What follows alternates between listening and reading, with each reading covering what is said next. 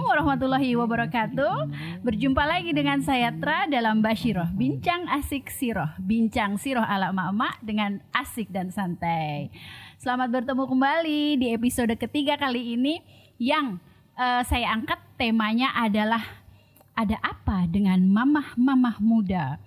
Ada apa ya? Oke, nah karena tema tersebut saya mengundang sahabat-sahabat saya yang mamah-mamah muda ya Assalamualaikum Mbak Vika, Mbak Ut. Waalaikumsalam. Alhamdulillah sudah bisa hadir di sini ya. Alhamdulillah, nah, terima kasih. Uh, kali ini kita akan uh, ngobrol-ngobrol mendalam dengan mamah-mamah muda ini ya tentang cita-cita mereka, harapan-harapan mereka dan juga usaha-usaha mereka ya bagaimana usaha-usaha mereka.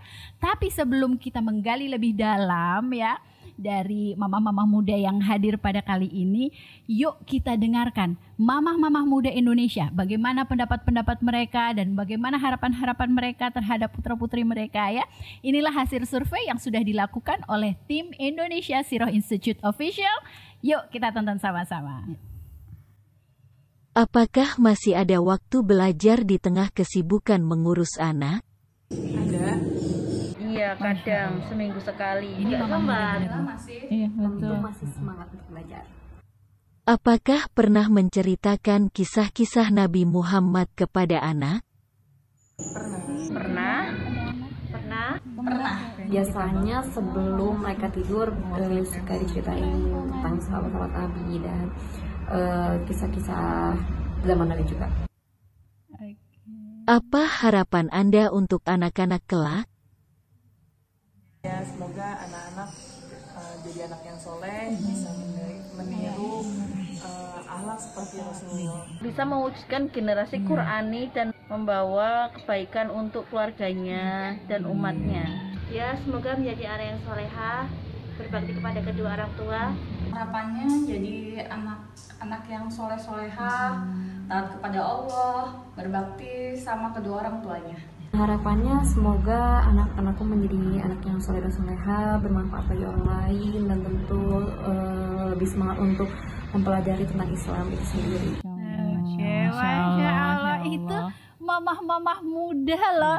Ya udah kita bisa lihat anaknya masih kriwil-kriwil, bocil-bocil. Bocil-bocil ada yang tiga, ada yang dua, ada yang kembar. Masya Hmm, Allah. Masya Allah. Itu Tapi kita wala- banget sih, Mbak Tra. Ah iya, Hmm, pastinya, mewakili, pastinya, mewakili pastinya ya, pastinya Mbak Vika dan Mbak Ut banget ya. Iya, Secara betul. Mbak Ut dan Mbak Vika kan memang masih mamah muda toh, makanya saya undang ke sini. Iya, iya. Nah, em, apa namanya? Walaupun mereka masih muda-muda banget ya, masih Mm-mm. tapi putra putrinya juga udah lumayan banyak ya pasti mereka repot lah ya. Tapi ya memang begitulah mereka sepertinya sih menikmati aja ya tadi ya. Kemudian mereka punya eh, apa itu mm, cita-cita yang mulia juga ya Oh, untuk anak-anaknya ya sudah punya Udah- eh, udah visi lah, masya Allah. Betul. Mbak Vika sama Mbak Ut gitu juga nggak?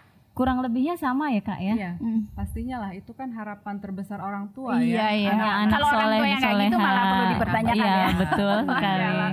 Uh, udah gitu juga kita lihat bahwa mereka uh, sudah mulai menanamkan ya, menanamkan pemahaman dan kecintaan terhadap Rasulullah dengan menceritakan siroh-siroh, uh, menceritakan siroh nabawiyah ya. Uh, tadi kan betul. disampaikan rata-rata sih disampaikan ketika malam hari ya untuk Hmm. pengantar Iya, tidur iya. gitu ya. Sebenarnya sayang tuh ya Sayang kalau banget begitu ya. Oh gitu Karena kan eh, siroh itu Menyeluruh, menyeluruh, gitu ya. sebetulnya bisa Gitu. diaplikasikan Oh, untuk oh, gitu. Dia paket komplit, Komplit. yang isinya eh, yang ada kurikulumnya Ah, ah, gitu loh. betul. Kurikulum kayak sekolah kali. Kan ibu Iya. madrasatul ula. Oh iya benar ibu adalah sekolah buat anak-anak kayak iya Betul. benar. Jadi memang oh jadi ibu-ibu itu eh, kurikulum pendidikan anaknya itu siroh nabawiyah sebaiknya ya. Iya, itu Dari yang- siroh ya sebaiknya ya. Betul. Makanya siroh itu enggak menurut Mbak uh, Uut dan Mbak Vika itu kalau diberikan hanya sekedar sebagai, sebagai pengantar kisah tidur. pengantar tidur Ah. tuh kayak Kurang sangat banget. kurang, oh, Optimal lah. kurang ya Jadi, sayang ya. uh, uh, di sana di da- dalam siroh itu malah kita uh, bisa dapat ilmu tentang mendidik anak Oh. gitu loh. Mhm. Terus uh, petunjuk kehidupan juga untuk sehari-hari bisa Iya, lah iya, dari iya. Relate dari bangun tidur eh Sampai- dari, dari mau bangun- tidur sampai, sampai bangun, bangun tidur. tidur. Oh jadi em, ya siroh itu sayang ya kalau cuman diberikan ke anak-anak sebagai kisah di waktu mau, Mau tidur tidur, aja ya. ya. Ya, sayang. eh, kalau kita lihat tadi kan ada yang anaknya tiga, mamah muda, anak yang dua, ada yang kembar juga kayaknya ya. Kalau berapa sih putra putrinya Mbak Vika sama Mbak Ut ini? Kalau saya Hmm? eh, baru empat, doakan semoga bisa nambah lagi. Insya Allah, amin. Mbak Mbak Vika berapa? Aku udah empat. Udah empat. Udah empat. Kalau yang tadi eh, baru empat, yang Bu Vika, eh, Mbak Vika Udah empat. udah empat. Udah empat. Kita udah tahu ya kayaknya nih maunya ke mana gitu. ya mudah-mudahan. Berarti nanti kalau kesusul sama Mbak Uut nggak boleh iri dong ya. Terima kasih. Oke oke. Nah jadi eh, putra putri juga udah cukup banyak ya empat ya dan masih ada juga keinginan untuk nambah Insya Allah lah ya. Amin, Eh, amin. Jadi tadi saya lihat eh, motivasi untuk belajar siroh itu yaitu dalam rangka ingin eh, mendidik anak-anak ya. Iya, Artinya betul. mengisi mereka dari bangun tidur hingga eh, Tidur lagi. sebagaimana yang Ses- biasa dilakukan oleh Rasulullah dan para Rasulullah sahabat-sahabatnya gitu. Eh, emang udah berapa lama belajar siroh Mbak Vika sama Mbak Uut? Kalau untuk yang serius itu kita baru tiga tahun ini. Baru tiga tahun. Baru tiga baru tahun tiga ini. tahun. Itu juga Tiga tahun masih tuh baru ya. itu padahal juga satu masih tahun kurang. lagi. padahal satu tahun lagi satu loh. masih kita kita Dapat gelar kita sarjana loh. ngerasa ngerasa masih kurang mak orang kalau misalnya makin karena kita sudah belajar makin mengenal siroh tuh malah makin berasa kurang ya kak ya. Ah, ah, gitu. Jadi memang eh belajar siro itu kan nggak ada selesainya, gitu kan? Iya, Kayak belajar. kita mendidik anak aja nggak ada selesainya. Jadi dari siro itu memang eh, selain untuk me- apa membuat memperdalam pengetahuan kita tentang Rasulullah dan para sahabatnya, juga bisa buat kita makin cinta gitu sama beliau Iya, kan. iya, iya. Gini dah itu yang mau ditularin juga ke anak-anak. Betul. bagaimana gitu. mencintai Rasulullah Ah. gitu. Juga mungkin di dalamnya ada eh, nilai-nilai ya yang yang bisa kita anut atau eh, Bisa kita terapkan ter- di kehidupan Hmm, masing-masing. Iya, iya, iya. Oh, jadi gitu ya. Eh, terus oke deh. Jadi udah tiga tahun nih ceritanya belajar Ya, siroh. baru tiga Baru tahun. tiga Oh iya, iya salah maaf. Baru tiga jadi baru tahun. tiga tahun. nih. Baru tiga tahun. Dari baru tiga tahun itu, ya. Eh, apa ada nggak sih kisah yang membuat ya Mbak Vika atau Mbak Uut gitu eh, merasa tersentuh ya, kemudian termotivasi ya, eh, sehingga terbentuklah visi misi Mbak Vika sama Mbak Uut gitu ya terhadap eh, anak-anak gitu ya harapan terhadap anak-anak gitu. Eh, ada nggak kisah atau tokoh yang sudah dipelajari dalam tiga banyak ya yang sebenarnya itu ya baru kalau tiga tahun tokoh-tokoh itu banyak banget. Banyak. banyak banget. banyak banget pastinya ya karena kan sahabat Rasulullah kan banyak, banyak, banget dan mereka semua punya kelebihan sendiri-sendiri Mhm, Betul. mhm, mhm. Oh, oh. Siapa salah satunya Mbak Vika bisa Kalau menyampaikan nggak? kalau aku sampai sekarang Usamah bin Zaid Usamah bin Zaid. Zaid. Usamah, Usamah bin Zaid Oke. Anaknya Zaid bin Harisah ya kak? benar banget Apa tuh em, spesialnya tentang beliau sehingga menjadi inspirasi buat Mbak Vika tuh apa? Eh, aku kan anaknya empat nih laki-laki semuanya Oh, Masya Allah. Iya kalau laki-laki itu kan jalannya panjang Mbak Tetra Iya dong. Eh, fitrahnya juga Mm-mm. eh, sebagai pemimpin gitu iya ya betul. Nah, eh bicara soal pemimpin itu, Usama bin Zaid itu kan eh terkenal dengan kepemimpinannya di usia muda. Usia Gitu. berapa tuh? Jadi usia 18 tahun Iya. Rasulullah mempercayakan Usama bin Zaid Mm-mm. memimpin sebuah perang yang besar. Memimpin pasukan maksudnya. Ha-ha. Pasukan. Memimpin pasukan eh, yang besar, Besar. dalam jumlah besar. Masya Allah. Ke kemudian juga eh, Romawi ya. Oh, ke ya. Romawi ya. Heeh, kan? betul, heeh. Oh iya. Jadi memimpin pasukan Untuk dalam jumlah kan, besar. untuk membebaskan Syam ya. Iya.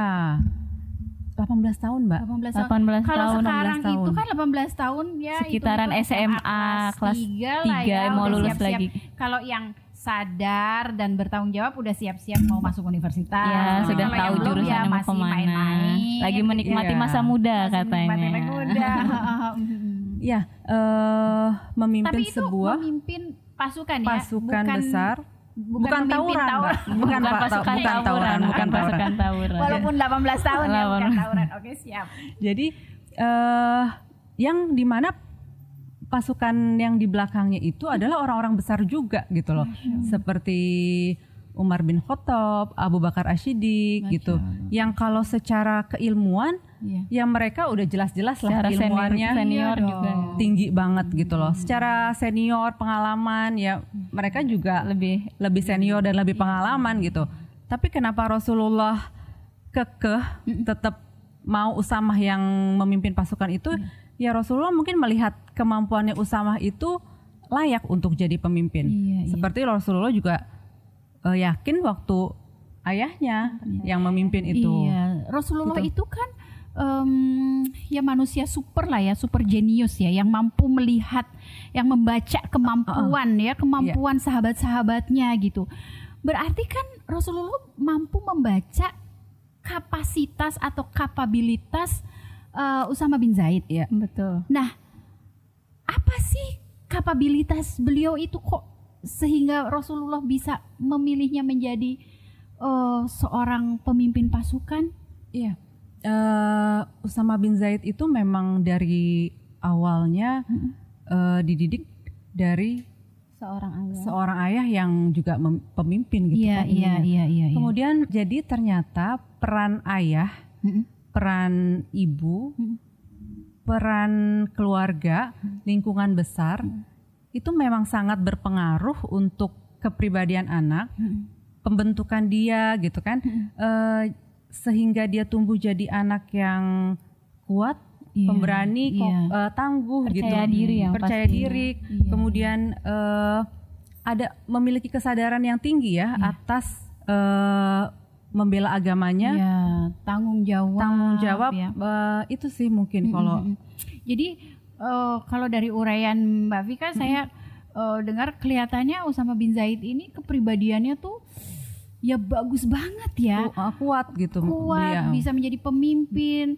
Pastinya sebagai pastinya sebagai komandan pasukan lah ya. Iya. Beliau Dan juga ini, punya dan- keahlian perang yang tinggi dong. Eh, ya. dan strateginya dan beliau bagus juga juga. menang Oh, memenangkan perang itu gitu loh. Jadi terbebaskan lah ya. Ya.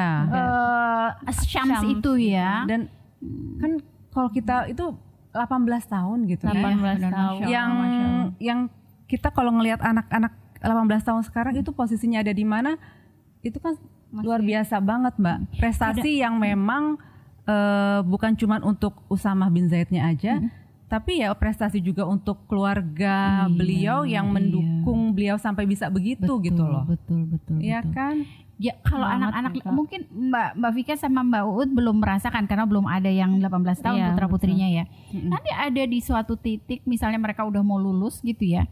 Itu kadang-kadang kamu milih apa? Hmm, belum tahu. I- itu dulu, itu dulu. Itu sempat galau Iya, dulu mau ke mana, iya, lanjut belum ke mana. tahu gitu ya. Aduh, masya Allah sementara Usama bin Zaid ini sudah memimpin Ah, ah, pasukan. Masya Allah pasti pasti. Ya saya bisa membayangkan lah betapa eh, beliau inspiratif sekali ya buat Mbak Vika ya. Dan terus Mbak Vika ingin apa? Anak-anak Aku tuh, sedikit eh, banyak seperti beliau apa gimana?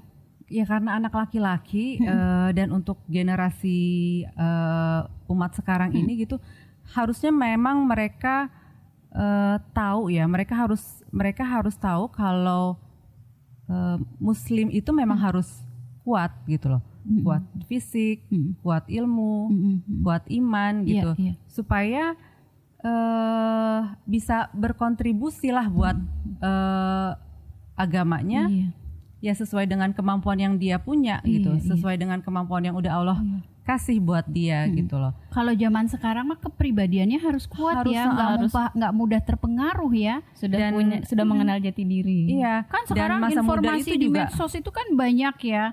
Nanti ikut sana ikut Iya. sini ya. Kalau punya apa Udah kepribadian teguh, kuat hmm. seperti Usama. Usama bin Zaid Zaid. kan udah nggak ada yang bisa Galau-galau kan, lagi. ah, benar. Enggak, terus eh, Usama tuh seakan mengajarkan buat anak muda sekarang nih Hmm. untuk memanfaatkan waktu sebaik mungkin gitu loh. Nah, itu poinnya. Jadi eh, Iya. apa namanya? Bukan diisi cuman yang main-main gitu Iya, kan, kumpul-kumpul gitu. Jadi memang harus mengoptimalkan potensi yang ada Masya gitu. Allah, Masya Allah, Masya Allah. Gitu ya. Ya itulah ya em, sahabat-sahabat Rasulullah yang masih muda pun ya sudah mampu untuk berpartisipasi untuk Mm. memajukan bisa peradaban lah ya peradaban mata Islam. ternyata Masya anak muda itu Iya, gitu ya. iya, Masya Allah. Potensinya sangat besar Oh, oh, sebetulnya. Iya, iya. Kalau Mbak Ud gimana? Ada nggak se- tokoh gitu yang menginspirasi Aku Mbak boleh Uut minum ya, gitu? Mbak Tetra? Mangga, mangga, mangga, mangga. Sekarang kebetulan giliran Mbak Uut. Oh, Jadi iya, iya. Mbak Vika boleh minum.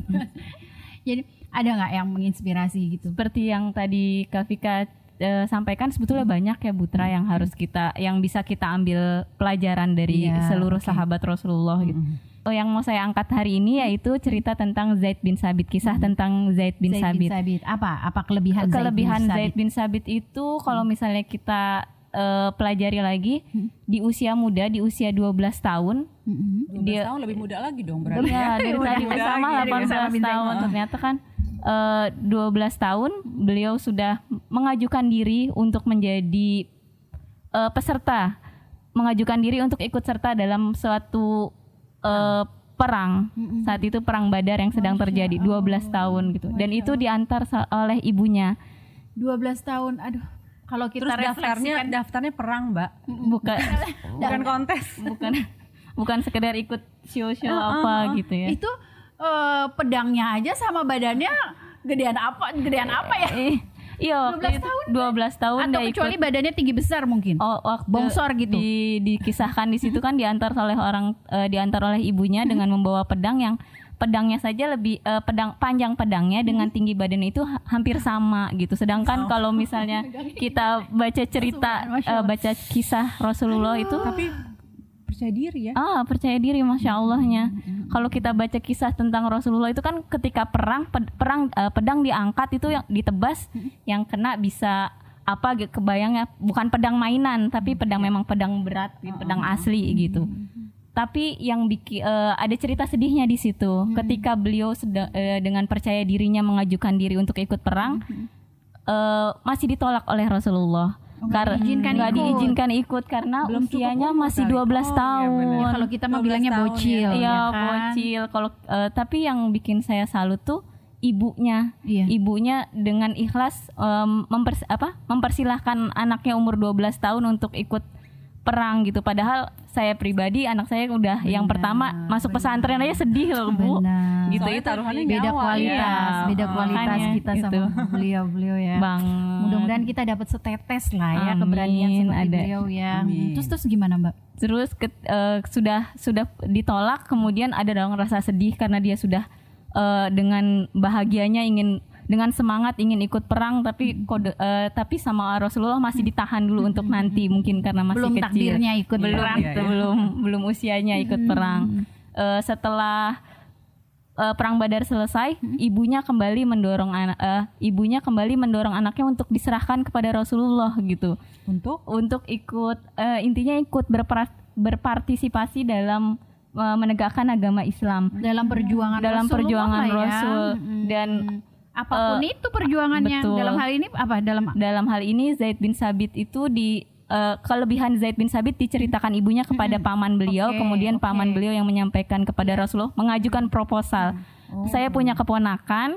Keponakan saya jenius jenius bahasa. Saat itu usianya sekitar 12 tahun atau 13 tahun sekitar itu.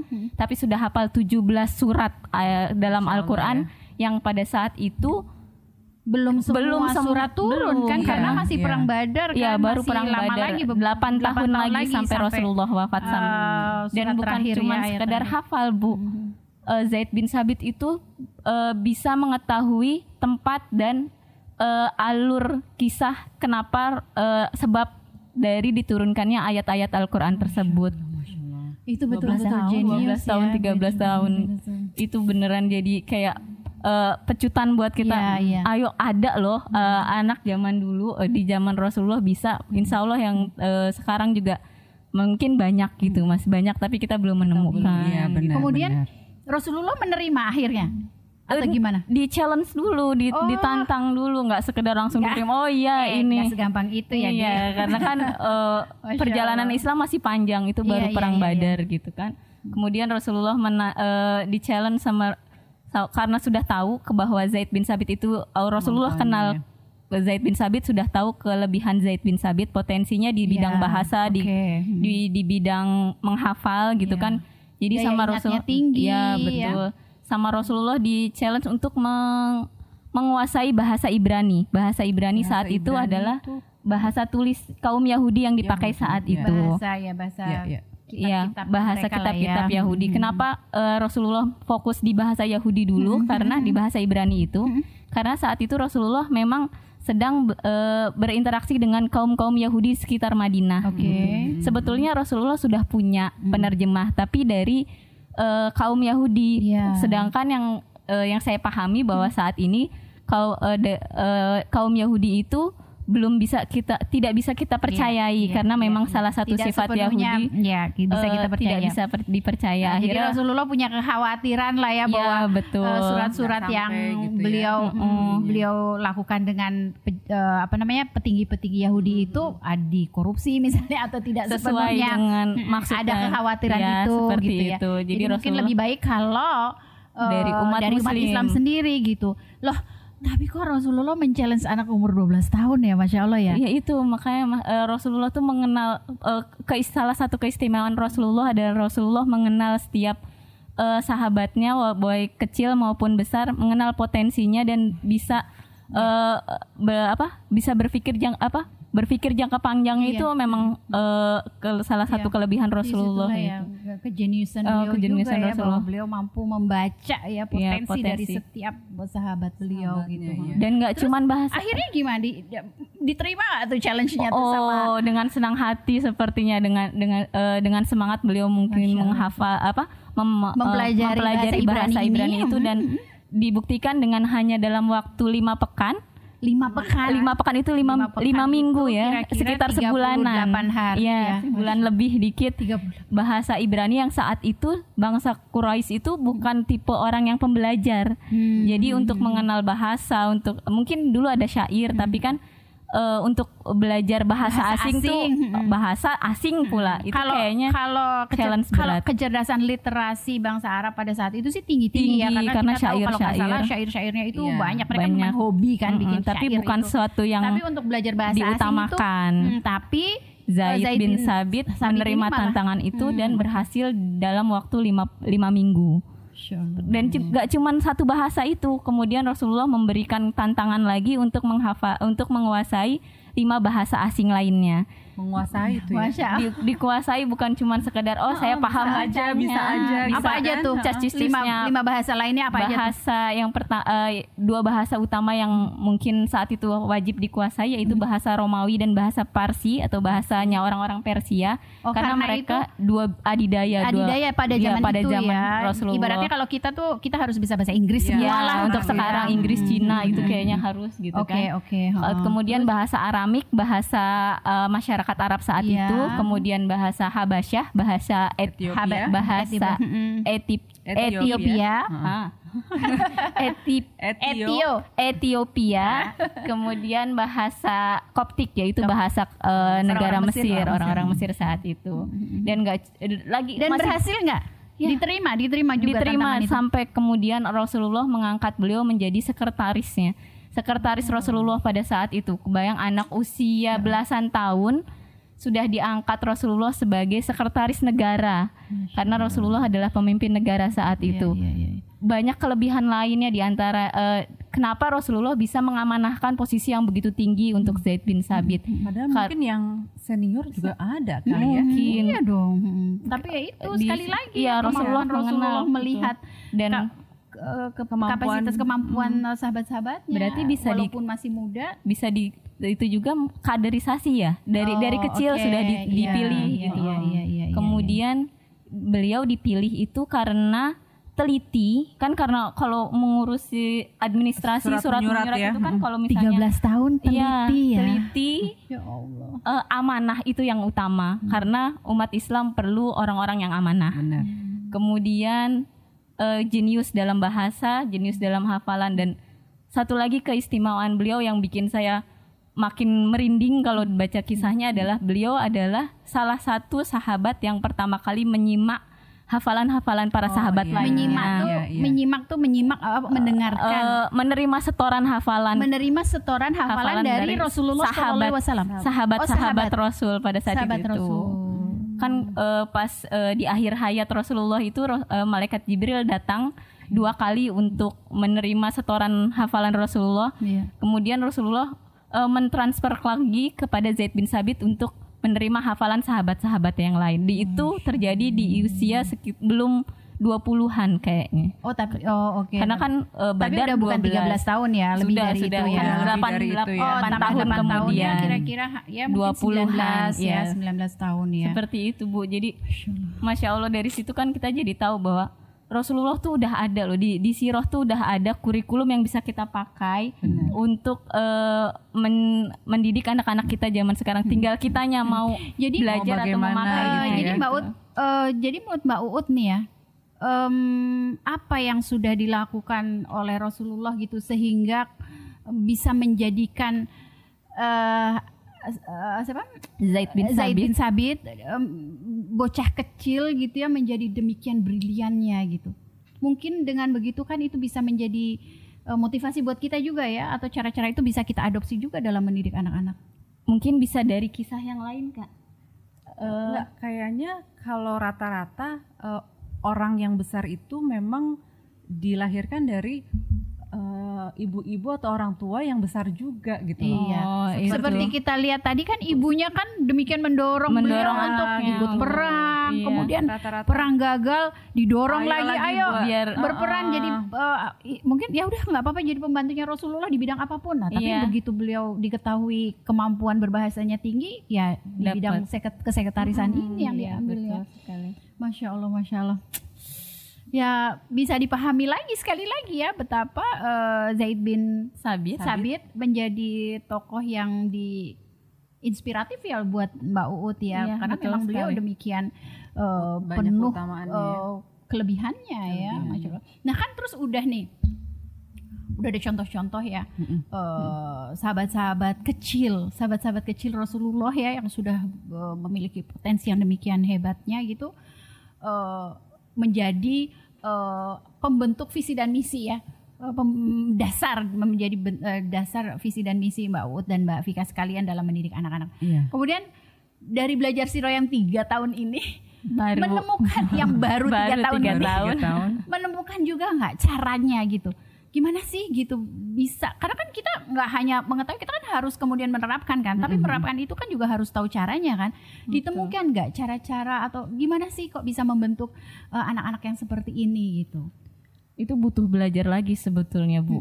Kita kan kalau misalnya baru awal baru oh tahu kisahnya oh itu itu perlu pendalaman lagi mungkin dari yang dari tiga yang tahun yang ini tiga ada yang baru kisah tiga yang tahun ini. sudah bisa di yang ini? bisa kita lihat Iya, kalau eh, menurutku anak-anak itu memang harus paham dulu. mbak agak majuan Eh, kurang iya. keras kali Iya, takutnya iya, nanti iya, nggak maaf, kerekam nanti pemirsa nggak dengar Iya, maaf.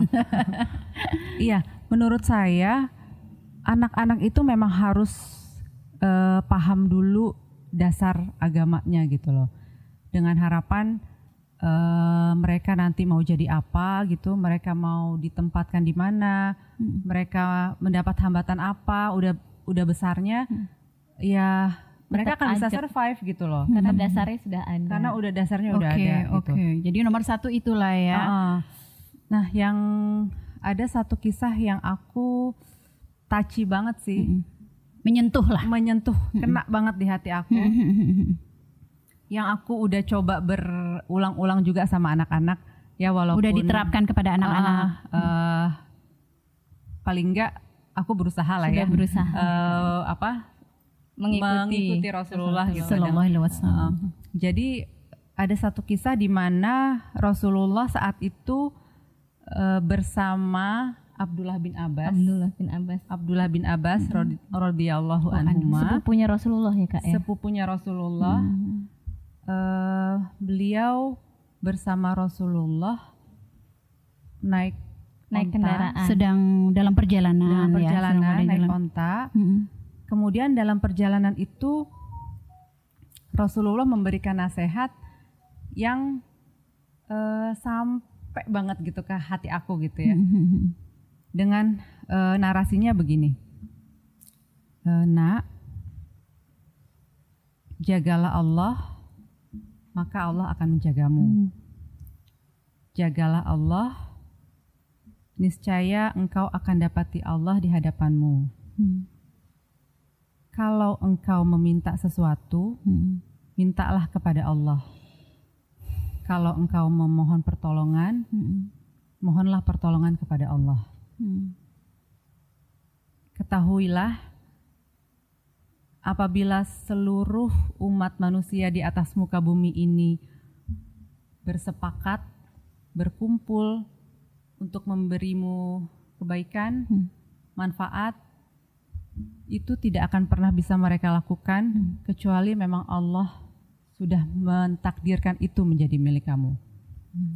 Dan sekalipun seluruh penduduk bumi ini bersekongkol untuk mencelakaimu, itu juga tidak akan bisa mereka lakukan kalau Allah tidak mentakdirkan itu eh, menimpamu gitu loh. Masya Allah. Itu tuh kalimat yang eh, dalam banget, Hmm. yang untuk di apa ya, untuk di untuk dinasehatkan kepada anak usia 8 tahun 9 tahun Ketika itu 8 tahun beliau ya. eh, itu kan eh bahasanya Bahasanya- kayak terlalu tinggi gitu Oh, pemilihan gitu katanya loh. ya, Kak, ya. Kayaknya masih di awang-awang gitu kalau kita mah ya. belum nangkep Tapi- gitu untuk anak-anak Tapi sekarang Rasulullah gitu. sampaikan juga ke beliau ya. Iya, eh, dan dan dan Ibnu Abbas juga nggak yang apa sih maksudnya gitu kan. Rasulullah nih mau maksudnya Allah tuh dijaga eh, dengan apa gitu. Nggak begitu, mereka lang- Ya, langsung sudah tertanam udah Masya ngerti gitu maksudnya ya, ya jaga syariat Allah gitu loh. Terus eh, minta kepada Allah kalau ingin sesuatu mintalah kepada Allah. Itu kan berarti juga menanamkan nilai eh kalau kalau menginginkan sesuatu ya minta sama zat yang memang maha pemberi Maha pem- sesuatu itu gitu loh. Berarti di situ kan memang eh, usia 8 tahun sahabat-sahabat Rasulullah, sahabat-sahabat kecil Rasulullah usia 8 tahun itu sudah memahami sesuatu yang em, Dasar itu abstrak Mbak. gitu kan. Tauhid sih Mbak. Tauhid sih itu memang. Oh ya memang dari pembicaraan mengisi perjalanan gitu ya. Pembicaraan yang keluar pun sebuah nilai-nilai yang yang penuh ya Hikmah, tauhidi lah ya maksudnya tentang tauhid gitu masya allah ya padahal kepa- bicara pada anak yang usianya Oh, 8 8 tahun sampai 9 tahun. Jadi memang eh, Rasulullah tuh menanamkan bahwa eh, kalau anak-anak di usia dini Hmm. sudah ditanamkan nilai-nilai tau- tauhid gitu ya. iya iya Jadi mereka memang eh, bukan jadi orang-orang yang gampang galau Iya, gitu loh. iya. Ikut-ikutan orang lain. Iya, gitu ya, gitu, berarti yang kan ya apa galau. ya yang bingung gitu. Itu kan memang kalimat-kalimat yang menenangkan banget gitu loh. Kita nggak Iya, kita nggak ngerasa ngerasa mesti khawatir berlebihan terhadap apa pun gitu kan. dan itu kelihatannya sangat penting ditanamkan buat anak-anak sekarang ya Iya. karena ya itu sekali lagi anak-anak sekarang itu kan informasinya dari mana-mana media Betul. sosial itu udah menjadi kayak sumber kehidupan gitu kan Dikit-dikit tanya Mbak komen Google. netizen itu penting banget dikit-dikit ngecek status gitu, gitu, kan. ya galau-galau Oh, gitu nah, sekarang. dengan dengan pemahaman atau ditanamkannya tauhid yang demikian kuat kan udah nggak ada galau-galau lagi ya Ah, mereka ya nggak ada apalagi yang mau di di di eh, khawatirkan gitu. Iya, Jadi memang Rasulullah tuh memberi keyakinan kalau apa pun yang terjadi atas kita Hmm. gitu, mau senang, mau sedih gitu, memang semua udah Allah takdirkan. jadi Dan Hmm. dan satu lagi yang harus ditekankan takdir Allah akan selalu baik. Nah itu. Takdir Allah. Jadi, Takdir Allah Mbak baik. Mbak Vika udah seperti itu tuh apa bicara sama anak-anak ngobrol sama anak-anak tuh seperti Rasulullah iya. ngobrol sama sahabat kecil Eh, pada zaman itu narasinya ada yang dirubah-rubah nggak Enggak lah, gitu? enggak itu udah itu udah luar biasa. makanya udah hafal Udah di luar biasa. kepala ya Masya Allah Iya. Jadi ada eh, cerita nih Hmm. eh, anak anakku eh, kehilangan kucingnya, kucingnya mati. oh oke Kucing kesayangan kita mati gitu. oke Terus kan mereka sedih kan pasti. Hmm. Kenapa sih? Kenapa sih? Pokoknya yang yang anak anak dua yang paling kecil ini kenapa ya? Hmm. mencari Kenapa ya? penyebab Gitu. lah ya apa kurang makan apa kena penyakit Gitu, gitu, iya. Mm-mm. Jadi aku kan dengar gitu. Hmm. Terus ada yang ada yang pokoknya ada yang nyaut. Ya udah takdir lah katanya. Oh, Masya Allah Terus aku langsung Yes, nyamber, gitu aku langsung nyamber. Takdir Allah selalu ba langsung dia nyambung baik tapi sambil sedih gitu tapi masih sambil Ayo, sedih-sedih Sambil gitu. sedih gitu. Congratulations ya berarti ya berarti udah masuk ya tercapai. anak-anak itu ya karena Masya mungkin Mbak. Vita udah sering menyampaikan Iya. ya. Masya dan Allah, aku Masya tuh eh, memang sebenarnya juga susah mbak susah gitu aku mau hati saya tuh ngomong gitu deh dengarnya bahagia gitu. kalau untuk ngomong untuk itu kan kadang eh susah gitu ya. Jadi kadang tuh aku tulis aja di buku atau di kertas gitu. Jadi nanti biar bisa dibaca Pokoknya tersampaikan lah ya dengan media apa pun apakah melalui lisan Masya ataupun tulisan. Masya Allah. Hebat. Ininya apa ceritanya sungguh eh, ini ya. Ya merasuk di hati kita ya tentang eh, bagaimana Rasulullah em, ngobrol pakai tanda kutip ya dengan sahabat-sahabat kecilnya yang itu menjadi contoh buat Mbak Vika dalam ngobrol juga dengan putra-putri beliau ya. Kalau Mbak Uut gimana? ternyata dari kisahnya Kafika tadi tuh jadi sebetulnya banyak eh, ilmu yang bisa kita dapatkan da- dari kisah hidup Rasulullah ya Bu Butra ya.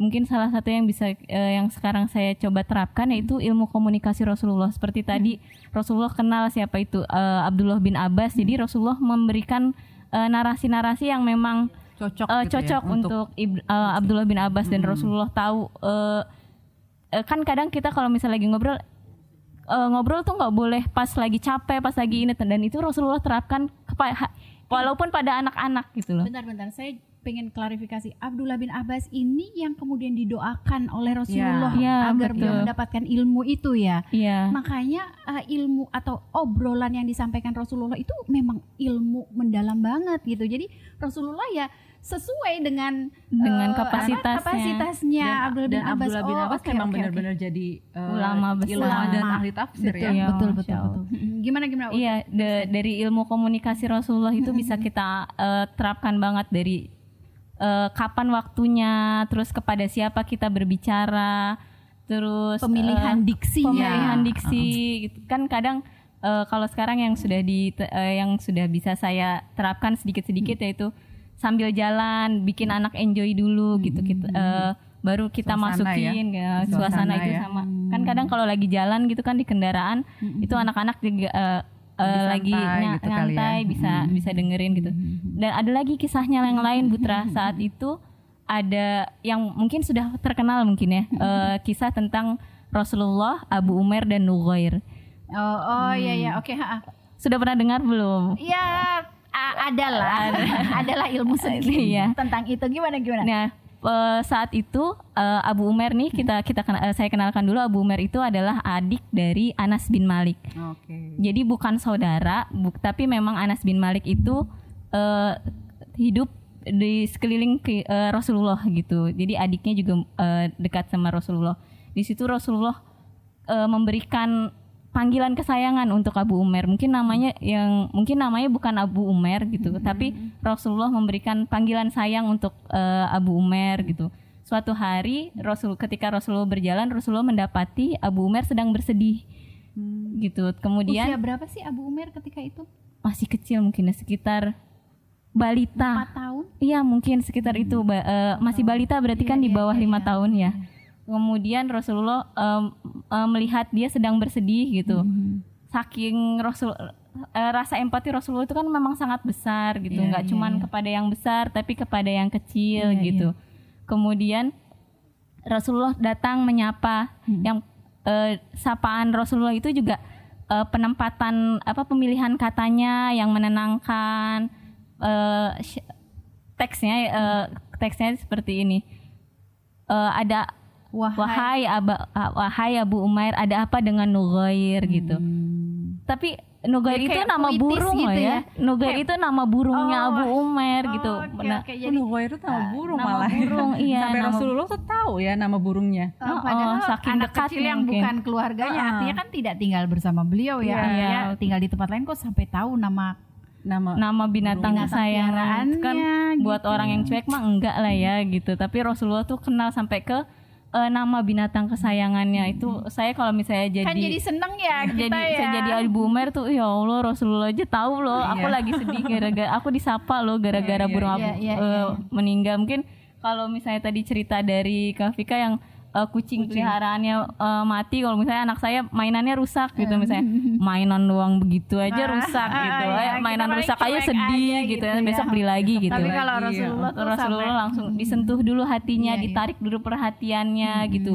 Didengar eh, mungkin kalau bahasa sekarang dinamai dulu sedih apa perasaannya gitu kan dengan ada apa gitu. Ditanya, "Oh, aku sedih burung kesayanganku meninggal." Mungkin seperti itu. Itu ilmu komunikasi yang memang sebe- Dan eh, sekali banyak lagi, gitu. Dan sekali lagi pemilihan diksi Rasulullah ya antara tadi em, Abdullah bin Abbas. Abdullah bin Abbas dengan Abu Umair Abu Umair kan beda. Hmm. Karena beliau walaupun mungkin ya oke lah eh, dari segi umur be- berbeda, tapi Berbeda. dari segi eh, kemampuan gitu ya walaupun 8 tahun udah tahu nih Rasulullah bahwa beliau a deep thinker gitu. Ya deep Iya. thinker, seorang pemikir yang dalam gitu. dan Sehingga ilmu. Pembicaraan atau nilai-nilai yang disampaikan juga disesuaikan ya. Oh, dalam betul, juga gitu betul, kan. betul. Masya Sementara Allah. kalau sama Oh, Abu Umair. Abu Mer kan beliau kasih puisi Iya, betul. gitu ya yang Karena kan dalam lagi keadaan sedih gitu ya. kan, karena lagi sedih gitu. Juga bisa kita apa ya lihat betapa Rasulullah itu apa kalau orang Jawa tuh bilang eh nguwongke ya, Ya, nguwongke memanusiakan, memanusiakan manusia. even anak-anak kecil Betul. gitu. Iya, iya. Coba kalau kita mah Kenapa deh gitu burungnya mati kadang-kadang ya gitu kadang-kadang ya. anaknya kakak gitu ponakan masih kecil-kecil ya kadang-kadang lewat-lewat aja kita cuekin kita ngobrol sama ibunya misalnya gitu ya Masya Memang peka Allah. Ya banget itulah. sih Rasulullah Oh, ya. Masya Ya di Allah, situ ya nilai-nilai yang bisa banget. kita mm, tangkap ya dari belajar sirah tadi itu ya. Banget. Beruntunglah Mbak Iya, bisa memang. belajar sirah walaupun baru tiga tahun. Iya, Ya, dan Allah. dan masih punya anak kecil saat kita belajar siroh itu betul memang betul. bisa langsung relate Iya gitu loh. Memang kita harus Iya. bersyukur juga di situ gitu loh. Masya Masih Allah. bisa membentuk anak sesuai yang kita pelajari Yang kita- gitu maksudnya. Masya Allah Terlambat demikianlah ya terlambat. oh, Iya. pendengar dan pemirsa obrolan kita dengan ibu-ibu hebat mamah-mamah muda pencinta siroh mamah-mamah muda yang masih eh, sibuk mengurus eh, bocil-bocilnya yang tentunya tidak akan selamanya jadi bocil ya Iya, dari sekarang betul. beliau-beliau sudah mulai menanamkan eh, kedewasaan ya nilai-nilai yang tadi udah disampaikan Terima kasih banyak, sangat Sama-sama. inspiratif, sangat Sama-sama, menyentuh Mbak. hati, sangat membuka pikiran, khususnya saya. Ya, khususnya saya. Semoga bisa. Mudah-mudahan terus bisa belajar siroh ya. Amin. Amin. Amin. Mudah-mudahan dikasih umur panjang ya. Amin. Dan mudah-mudahan ilmu yang kita dapatkan bisa kita terapkan kepada anak-anak Amin, amin. sehingga Amin, amin. yaitu kita bisa membentuk em, generasi pemimpin Ya, Ya, betul. dan Betul. bukan generasi pengekor. Yes. Betul Itu intinya. Ya karena contoh-contoh yang disampaikan oleh eh, mamah-mamah muda di hadapan saya ini memang tadi ceritanya tentang pemuda-pemuda dan anak-anak kecil yang memiliki eh, nilai-nilai dan eh, kepribadian yang sangat eh, pantas menjadi seorang pemimpin. Masya Allah. Masya Allah. Masya Allah. Ya demikian ya mama-mama sekalian dan juga mamah-mamah muda seluruh Indonesia. Obrolan-obrolan kita pada hari ini semoga bermanfaat ya. Em, yang belum subscribe jangan lupa jangan jangan lupa subscribe. Subscribe sekarang juga. Ayo klik. Dan jangan lupa like dan komen dan sebarkan sebanyak-banyaknya kepada teman-teman mama-mama dan mamah-mamah muda sekalian supaya channel kita ini banyak memberikan manfaat bagi banyak mama-mama dan mamah-mamah muda yang lain ya. Terima kasih banyak atas perhatiannya. Terima kasih banyak Mbak Uu, terima kasih banyak sekali lagi Mbak Vika. Terima kasih. Terima kasih bisa diberi kesempatan. Salam buat anak-anak ya. Insya Allah. Masya Allah, kapan-kapan pengen ketemu sama mereka. Boleh, boleh. ya demikianlah sahabat sahabat-sahabat mama-mama dan mama-mama muda sekalian. Sampai ketemu lagi di episode keempat. Jangan lewatkan. Makanya diklik dong itu loncengnya ya supaya setiap kali kita akan upload pasti masuk sebagai notifikasi. Jangan lewatkan. Terima kasih atas perhatiannya. Wassalamualaikum warahmatullahi wabarakatuh. Waalaikumsalam warahmatullahi